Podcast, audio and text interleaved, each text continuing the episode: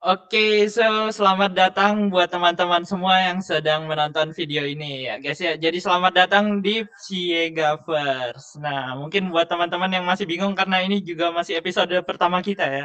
Jadi Ciegavers itu adalah podcast berbasis metaverse. Nah, nah di sini kita bakalan membahas segala hal yang lagi trending nih guys. Nah, tapi sebelum itu aku minta tolong buat teman semua nih sebelum kita ke acara podcastnya buat tekan tombol subscribe dulu ya guys di bawah sini nih yang merah-merah karena ingat kata Rafathar guys subscribe itu gratis guys nah, dengan subscribe juga kalian bisa mendukung kami semua supaya lebih semangat lagi kontennya oke kalau gitu aku kasih waktu tiga detik ya guys buat tekan tombol subscribe-nya. tiga dua satu Oke, makasih.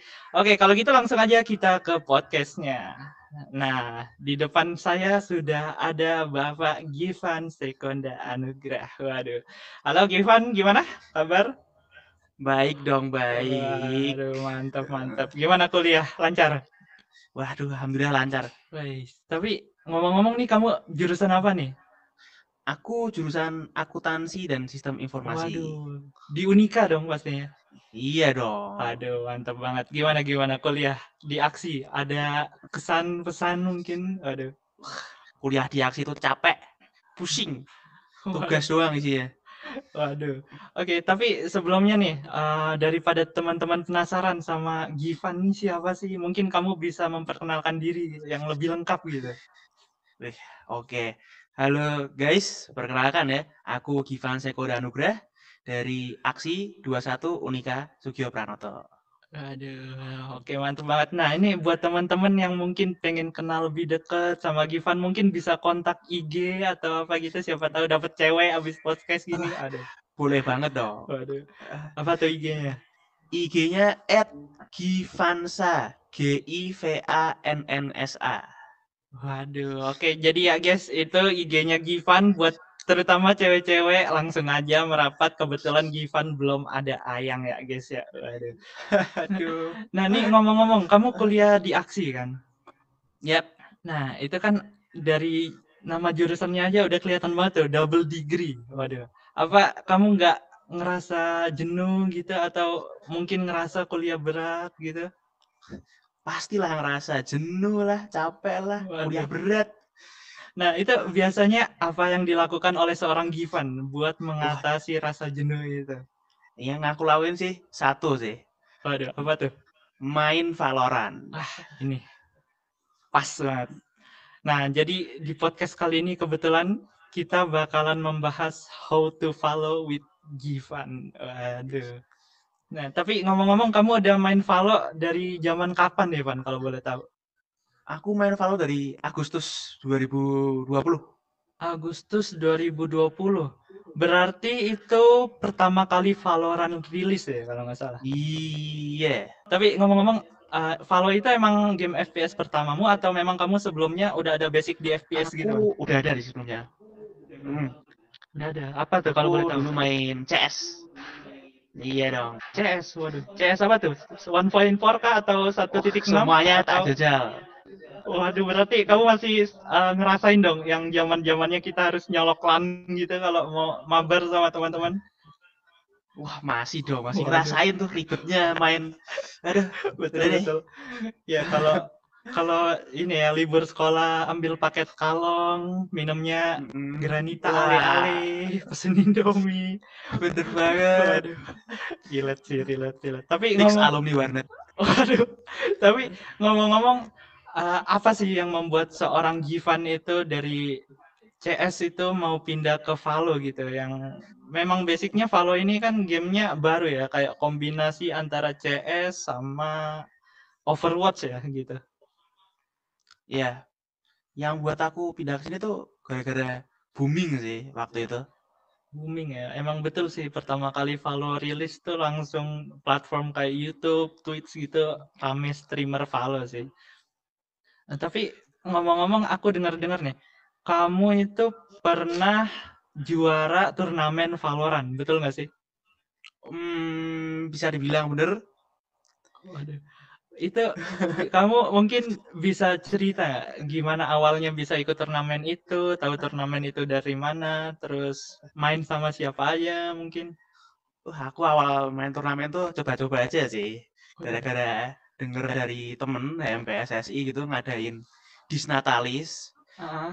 Jadi ada lomba Valorant, aku sama teman-teman mau, ih coba deh cari pengalaman baru gitu. Siapa tahu bisa menang kan. Eh, akhirnya Menang. alhamdulillah ya. Waduh, mantep banget. Juara berapa kalau boleh tahu waktu itu? Aku cuma juara dua sih sayangnya. Waduh, cuma itu udah bagus banget sih. Tapi ngomong-ngomong timmu itu dari Unika atau emang udah ada tim dari dulu yang suka diajak mabar gitu? Oh, timku tuh dari teman-teman awal main Valorant sih. Ih, berarti chemistry-nya udah dapet banget ya itu. Uh, kayaknya sih ya. Waduh, kayaknya, kayaknya aja nyampe juara dua. Gimana sebetulnya gitu, waduh. Tapi ngomong-ngomong, kamu ada rank apa nih, Wan, di Valorant, kalau boleh tahu? Aku aku baru Diamond 3 kok. Wah, ini baru Diamond 3. Anda Anda sombong sekali ya. Enggak weh, ini, ini kebetulan kita kedatangan seorang narasumber Diamond 3 ya, guys ya. Kayaknya pas banget kalau kita membahas tutorial nih buat main Valo terutama buat manusia-manusia newbie seperti saya. Waduh. Oke, Ivan, kita bakalan membahas tips and trick nih buat main Valo terutama buat pemula. Mungkin kalau pertama kali Valo kan pasti erat kaitannya sama role ya, betul nggak sih? Benar, benar, benar, Nah benar. itu kalau boleh tahu di Valo itu ada role apa aja sih dan apa tugas dari masing-masing role itu? Mungkin kamu bisa jelasin ke teman-teman.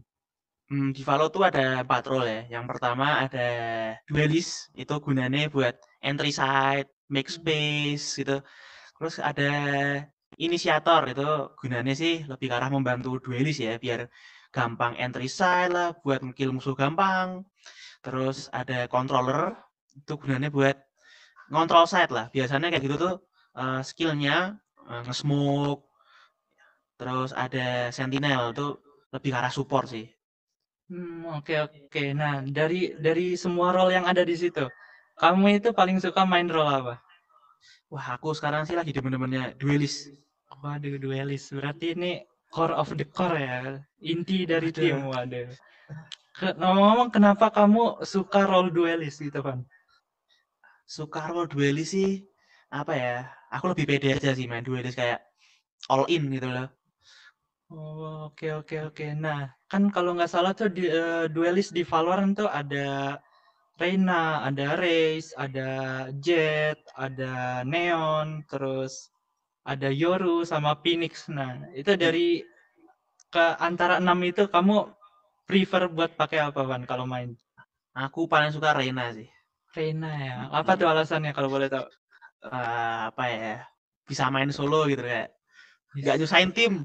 Kayak darah habis, sedot, darah habis, sedot sendiri gitu. Oh, oh iya sih, betul juga sih. Kalau pakai Reyna asal aimmu tajam itu mau ngapain aja bisa ya. Benar, benar, Kayak benar. udah benar. paket duelist solo gitu. Hmm, Hmm. Nah, terus ngomong-ngomong kalau menurut kamu nih di Valorant lebih penting skill individual atau skill sebagai satu tim gitu, Van? wah, nggak sulit ya kalau dari aku sih skill individu ya, kayaknya lebih penting sih dari aku. Oh, apa tuh alasannya kalau boleh tahu? Alasannya apa ya? Pokoknya ini tuh game yang utamain skill individu juga, tim juga penting sih. Cuman kebanyakan skill individu yang paling dipatenin. Hmm, ya memang benar sih. Apalagi kalau nggak salah tuh di Valo juga kayak game sense gitu penting ya. Itu kan Hmm. bagian dari skill individual ya. Ya, Kayak penting banget. pengalaman, jam terbang gitu. Kayak kamu ngikutin VCT Indonesia nggak waktu itu? Wah, ngikutin, ngikutin. Ngikutin ya. Itu aku kaget banget sih. Kamu tahu uh, tim Boy With Love BWL itu? Hmm, tahu, tahu, tahu. Nah, itu tim baru kebentuk satu bulan, cuman dia bisa ngalahin tim-tim tier 1 di Indo kayak Onyx, Alter Ego, nyampe eh, mereka tuh berhasil bikin Onyx harus eh, main di play-ins dulu waktu mau ke VCT itu kalau nggak salah ya. Iya, iya, benar, benar, Nah, benar. itu itu jujur kaget banget sih. Kalau dilihat dari CV tim itu kayak kebentuk baru sebulan, tapi mungkin itu pengaruh karena yang ngisi juga veteran-veteran semua ya. Kayak ada Hmm. Roseo yang emang basicnya dari CSGO kan. Terus ada Iya, iya. Asterix yang kemarin masuk jadi nominasi MVP controller VCT Indonesia ya kan. Heeh, Terus benar-benar. ada teman-temannya yang lain juga. Wah, berarti itu emang nggak bisa dipungkir ya kalau em, jam terbang itu pengaruhnya besar banget sampai banget.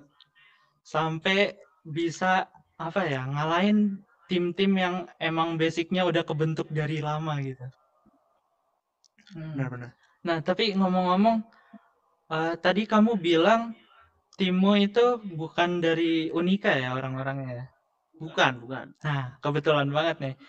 Em, mungkin kamu kalau diajak mabar mau nggak sama orang-orang mungkin yang lagi nonton video ini gitu?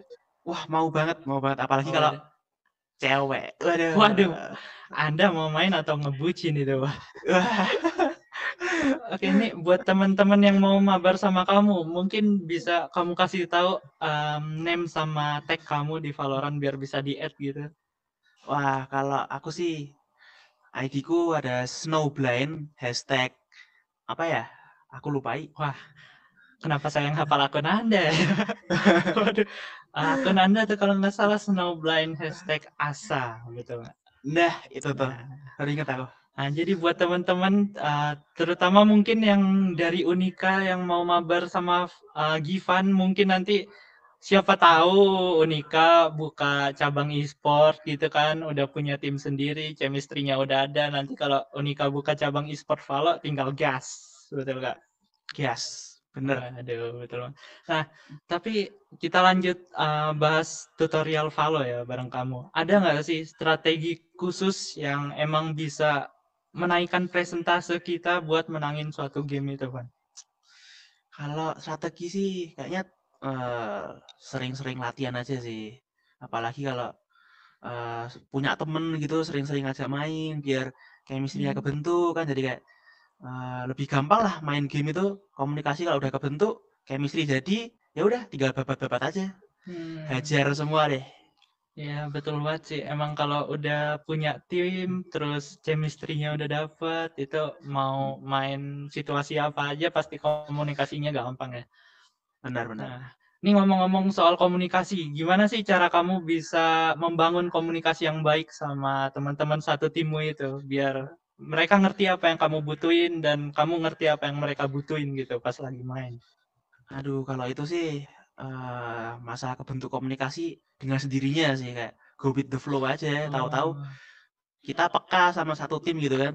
Yang namanya Iya. chemistry kan kalau udah kebentukan kayak tahu ini butuh apa nih. Oke. Aku ambilin ini, kayak aku iniin gitu. oh, berarti intinya let it flow aja lah ya, nanti Iya, benar, chemistry benar, benar. kebentuk sendiri. Nah, nanti ranknya mengikuti. Waduh. Nah, benar. Oh ya, sama jangan lupa kalau main sama tim gitu jangan suka blaming lah ya Oh, intinya. iya benar banget sih. Uh, relate banget. Aku aku rasa kamu bisa ngomong gitu karena kamu duelis ya. Itu kan kadang itu kadang kan duelis kalau uh, timnya lagi jatuh-jatuhnya pasti yang disalahin pertama tuh duelis betul gak sih? Bener banget.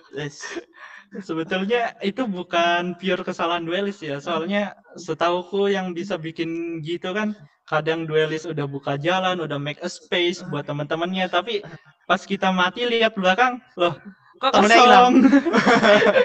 kok kosong gak ada yang backup? Udah lenyap. Aduh, iya betul banget. Apalagi paling kesel kalau udah berusaha semaksimal mungkin kan make a space buat mereka masuk, udah berhasil ya satu lah, bunuh satu, terus udah kebunuh, nggak ada trade-nya, terus ditoksikin tim, wah itu, Nah, habis itu teman kita pindah side yang lain. Nah, nah itu udah dibukain site A, mereka larinya ke B, waduh. nah, Nah, itu ngeselin sih, emang relate banget.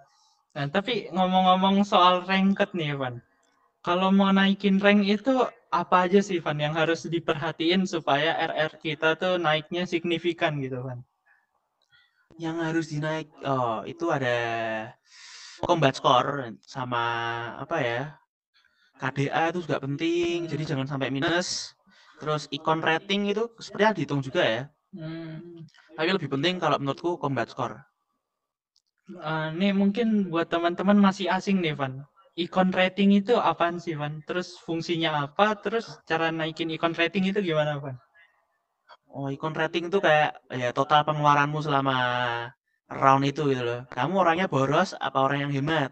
Jadi kalau kamu boros, mungkin icon ratingmu bakalan sedikit banget. Tapi kalau kamu orangnya hemat, kayak jarang mati kan nggak nggak pernah beli tuh, kamu icon ratingnya bakal naik naik naik terus.